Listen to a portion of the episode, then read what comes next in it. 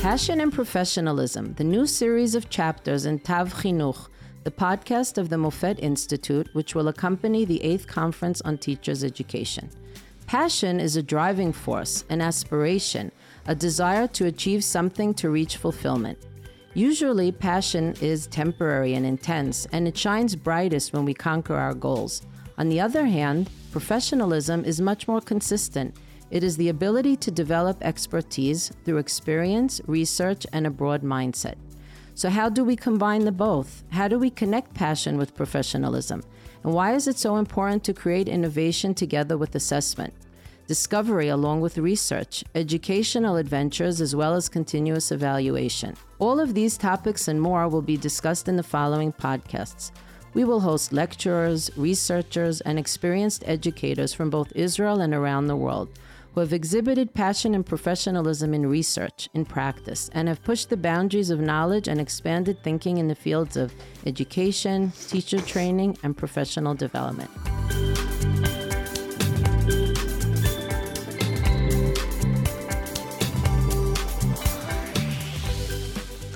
שלום רב לכם מאזינות ומאזינים, היום אני שמחה ומתכבדת מאוד לארח כאן אה, באולפן את פרופסור אלן גולדרינג, ברוכה הבאה. Thank you for inviting me. Um, הפודקאסט הזה יהיה שונה ומיוחד, כי הוא יהיה דו-לשוני כזה, הוא יהיה קצת עם מבטא ישראלי, קצת עם... קצת עם מבטא אמריקאי.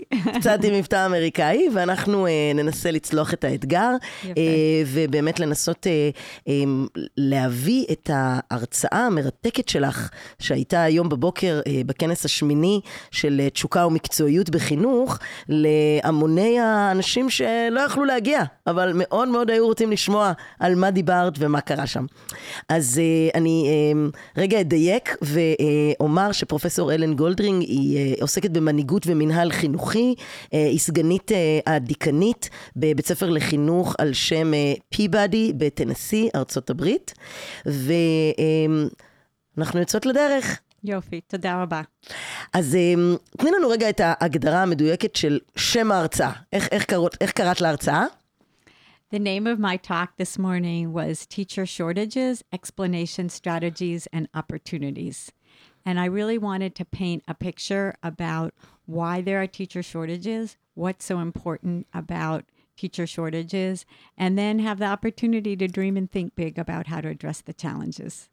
Wow, what an important mm. Issue that we are all in it just now. And that was one of the points. It's a really uh, worldwide phenomena, and we mm. all think mm. it's local, but many countries around the world are facing the same challenges. Wow, this is so interesting. Okay, so please explain us what is teacher uh, shortage? What do you mean? Right.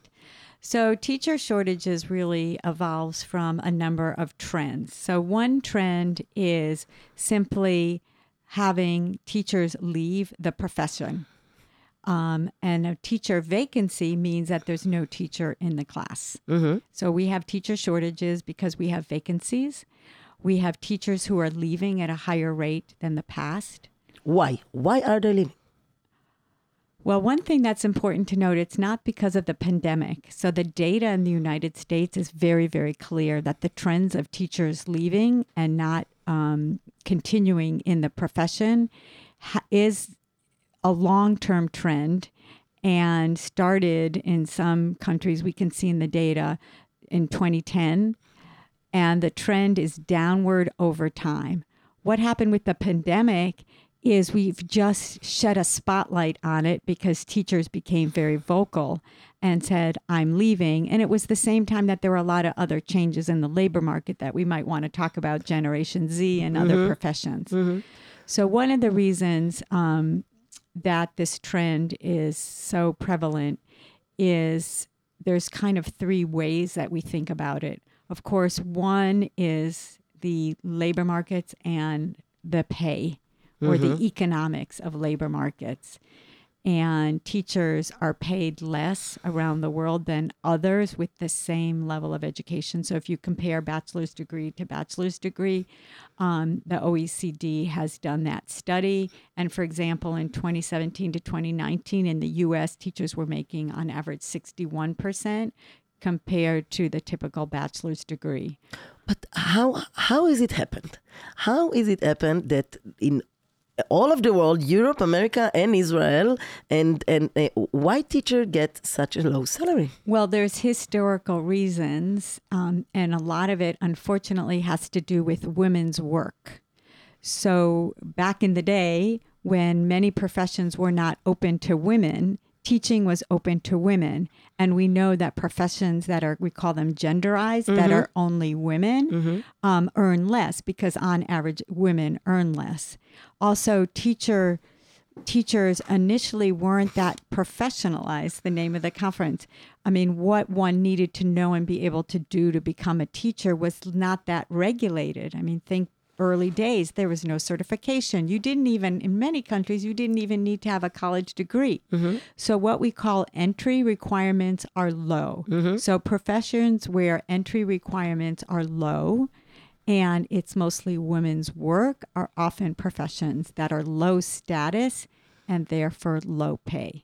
זאת אומרת, אז תנאי הקבלה הנמוכים שנבעו בגלל תעסוקת נשים, הובילו אותנו למצב שמראש המקצועות האלה אה, היו דלי שכר, מראש. וגם סטטוס נמוך מבחינת הדירוג מוניטין. של המקצועות, כמו עורך דין או רפואה. ויש עוד דבר, אז יש תנאי הכניסה, יש um, מי נכנס, נשים או לא, איזה מקצועות היו פ- אה, פתוח לנשים, ודבר שלישי, זה הסכמה על ידע. High consensus fields. So, professional fields that have a lot of consensus of what is expertise also are high status and take more money. So, think about again, you can think about law, you can think about computer science. We know, Doctors. yes, what it is. And in order to get that yada, that knowledge, it's very clear and we all agree that you need it. And low consensus fields where we have parents say, Well, I went to school, so I could be a teacher. Mm-hmm. Or we have, you know, lots of people who say, Well, teaching can't be that hard. Why why is it so hard? We don't, you know, I could do Everybody it. can be a teacher. Exactly. Mm-hmm. Exactly. So these are the types of things, and it's called the sociology of professions Yeah. that really explain historically why this profession And I think this is one of the main goals and aims of Machon Mofet to, to make this Professionalize. professionalized, to make Exactly. the things. Right. So when you think what is a profession, a canon of knowledge, mm-hmm. How someone learns that knowledge, and then who can become part of the profession is very important. And that's where licensing exams came into play because there is a also professional control over the profession, right? So yesh lishkat orchei adin, they can control who becomes a, a, lawyer and who can't. That's professional control. Yeah, of course. So, uh, uh, כל הרגולציה והסטנדרטיזציה להפוך את מקצוע ההוראה להיות עם סטטוס יותר גבוה, זה ממש אחת מהמטרות של מכון המחקר המופת. כן. והרצון שלנו בעצם לשנות את המציאות בישראל עד כדי ממש מצב של להעלות את שכר המורים והמורות אה, אה, על ידי פרפסונליזציה, זאת אומרת ל- לייצר ממש מקצועיות של העבודה. Can, however, However, and we talked about this in the talk this morning. There's two issues. One is quality of teachers, and one is quantity. And when you say lalot et schar hamorim, right, then people might say, so all teachers should get the same thing. And why is it that we don't have differential pay in teaching where we do have differ- differential pay in other professions and in other workplaces? And what I'm really interested in mm-hmm. is how the definitions of the profession influence who selects to be coming into the profession who will come? and who will stay. Mm-hmm. So we're at the end of the talk now, but what I wanted to think through with the um, participants is to challenge ourselves to really unpack assumptions. So, do we think that people who go into a profession where I have a lot of autonomy and I'm highly rewarded mm-hmm. for working and producing results, there's something about that that brings me, we call it in English, efficacy, a mm-hmm. sense that I can make a difference. Mm-hmm. And I'm rewarded for that work. If I like that type of environment, I will will come. I will I not go into environment that tells me no, don't work. Stay in your Yeah. Mm-hmm. lane. Stay. We say in English, stay in your lane yeah. right? And there is research that has suggested in the early 70s that teachers as a group are conservative and not risk takers. And so I just wonder if there's some things about how the profession has emerged. And when we think about Generation Z, and we think about what we learned in COVID work flexibility, um, taking care of yourself, all these things, do we need to think different about the system and teacher shortages and retention and recruitment? So what you mean is that the, the specific, um, המאפיינים הייחודיים של דור ה-Z, כן. בעצם גורמים לנו לחשוב מחדש על כל סביבת העבודה שאנחנו רוצים לייצר, ובאמצעותה למשוך את האנשים אני, הנכונים. כן. אני, מקו... אני חושבת שזה מאוד חשוב, שרוב השינויים שאנחנו עושים, וזה בעולם, grow your own, um, להקטין גודל הכיתה, כל הדברים האלה עובדים בתוך המערכת הנוכחית. וכל הדברים האלה אומרים, המערכת בסדר, זאת לא הבעיה. הבעיה זה פשוט לגייס את האנשים, או להמריץ, להמריץ אותם, So לתמרן your אותם. offer is to change, Change- the system. I'm It's- not. it's- I'm not a it's- it's revolutionary. I know. I want what I really. You talk about passion. what I'm really passionate about is challenging ourselves to think about changes in a system that we could try and see if it makes a difference.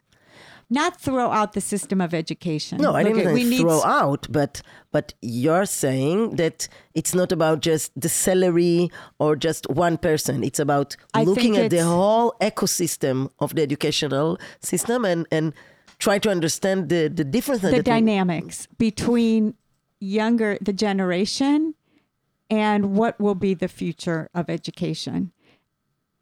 For example, mm-hmm. most societies focus on tenure and long-term commitment to a career in as a teacher. And in fact, the salary agreements incentivize that. Stay mm-hmm. a really long time. Yeah. And in 20 years, you'll make good money. Oh my God. A really good money. and when you're 28, you're thinking, I'm not worried what's going to happen in 20 years. I want to be rewarded for the work that I'm going to do now. And guess what? Why would you assume I'm going to stay in the same career for 20 years? more than Why five, do- it's the bag. and why do I have to? Mm-hmm. Do you say to someone who goes work in high tech, you have to stay here for 20 years? Probably not, because they want people that are going to be curious and maybe in, in, and say, you know what, I'd like to go teach for five, ten years, maybe. Maybe after that, I want to start a company of, of you know new teaching methods. We don't know, so I think there's some conservative views that we need to ask about from a system perspective. Wow. Um, okay, so um, one of the explanation you are giving for the lack of teacher is the difference between the the atmosphere Yes, uh, uh, outside school correct. and the uh, difference between what is going on inside the system, inside the school. Yes. And because of that huge gaps between them, um, teacher won't come. That's what you're saying. That's One of them. right for recruiting new teachers. We also then have to ask ourselves about those teachers Who are that already leave in. and they leave. And the research is very clear about the importance of working conditions. And one of the most important working conditions is the effectiveness and support of the school principal, the quality of the principal. And that's something school systems and schools can do something about. Mm-hmm. And the evidence is also clear that, You mean the relationship between the principal and the teacher? well, What do you mean? when we talk about effective school leadership, Yeah. it's not just the relationship.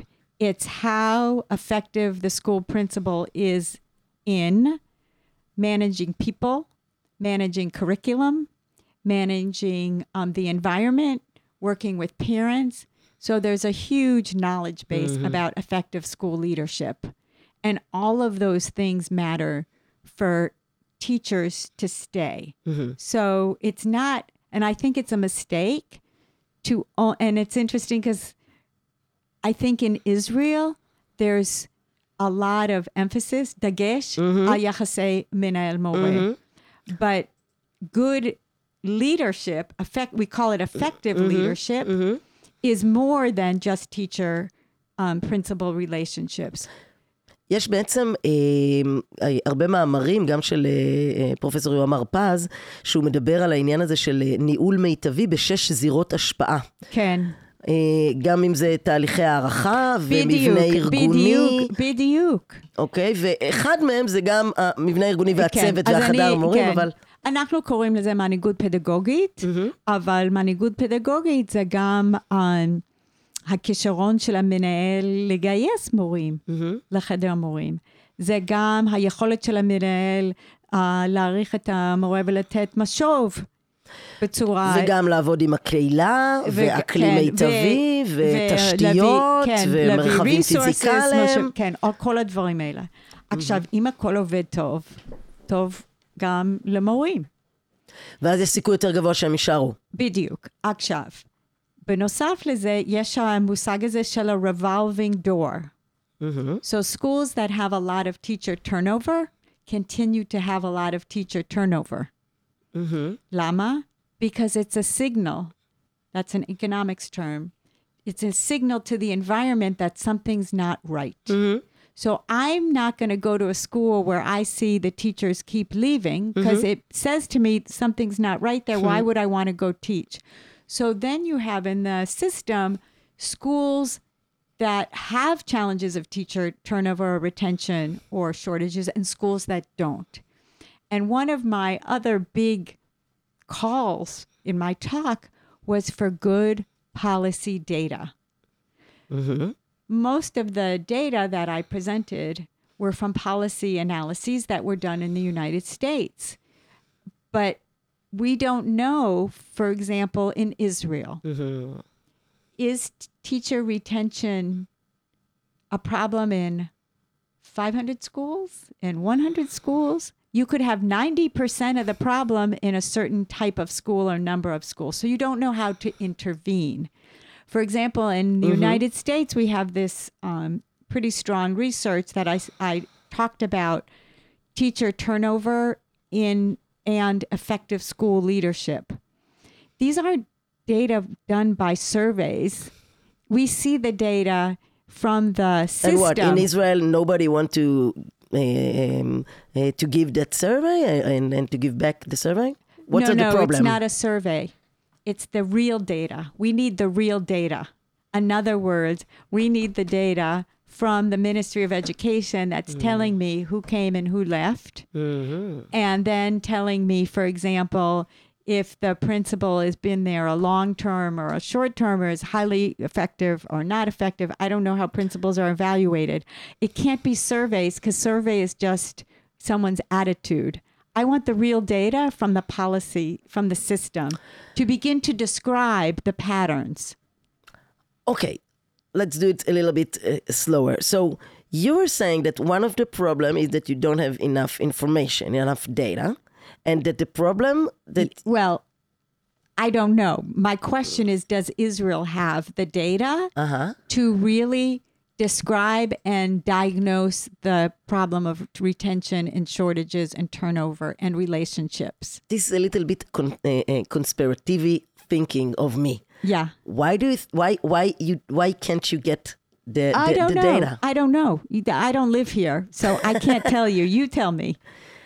I- No, is I there mean, data? uh, I don't know. Are you uh, So, for example, I asked someone. yeah, we know in the United States, um, for example, there's been a lot of research that shows the um, return on experience that teachers improve regularly, and then about year five or six, they um, become stronger, and then they're they can maintain their effectiveness. So I asked if there's similar research in Israel. I don't know.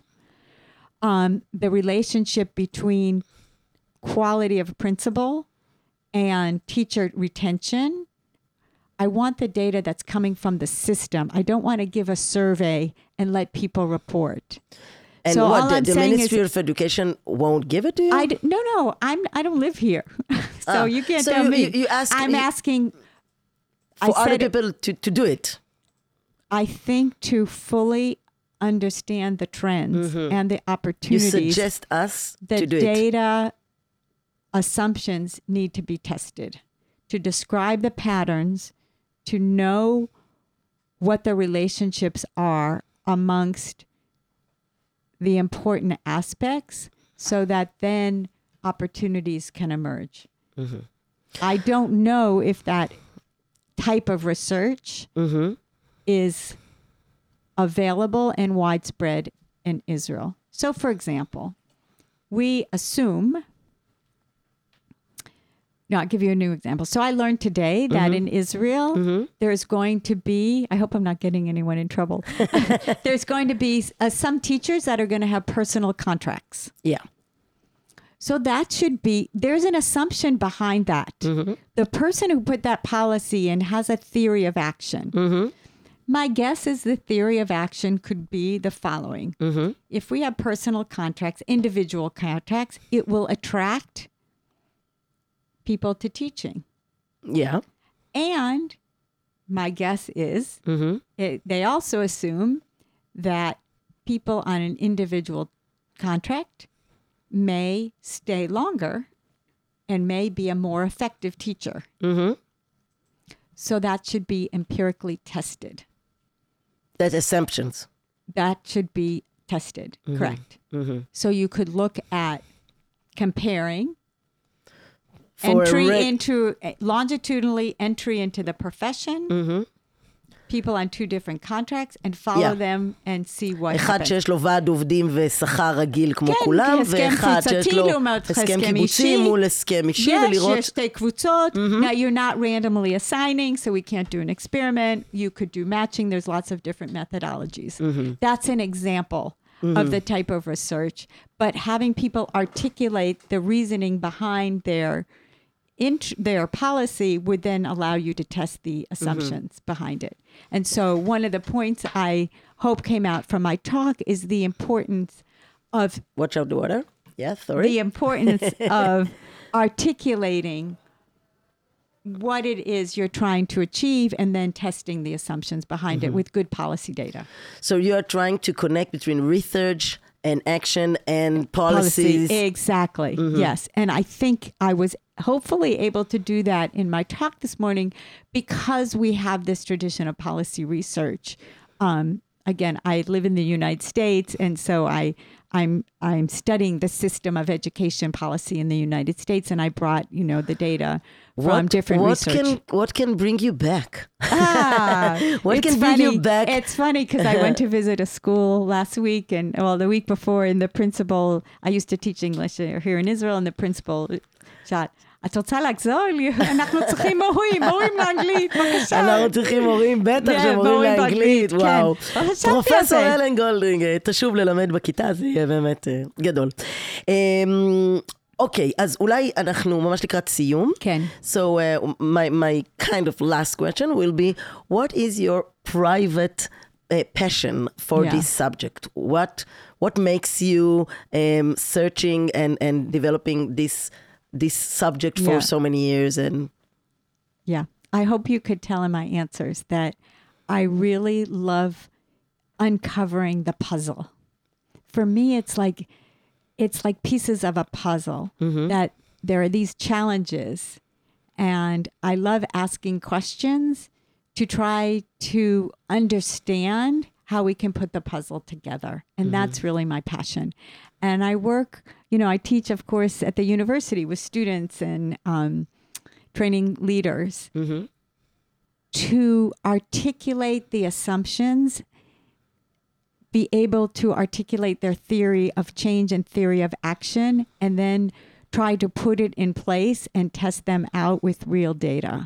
זאת אומרת, To solve לבחון, problems. לבחון את הנחות היסוד שלנו יכול לעזור לנו לבנות מחדש את הפאזל אה, ולהגיע בעצם לתמונה חדשה לגמרי. Exactly, but you have to be able again at the policy level, not not at the prac- not as a classroom teacher, but at the policy level, to really articulate like if we're doing X, we think Y is going to happen, and then let's try it, but let's um, make sure that we're following that and testing the outcomes with data. I love that. It's like a intellectually challenging and working with people who work so hard to try to obviously make systems better. תודה רבה רבה לך, פרופסור אלן גולדרינג, תודה רבה גם לנתנאל גדעוני על ההקלטה באולפן, תודה רבה לחגי גלילי על ההקלטה והעריכה, תודה גם לכם, מאזינות ומאזינים. מקווה ששרדתם את הפרק הדו-לשוני שלנו. אה, כל טוב ולהתראות בפרקים הבאים.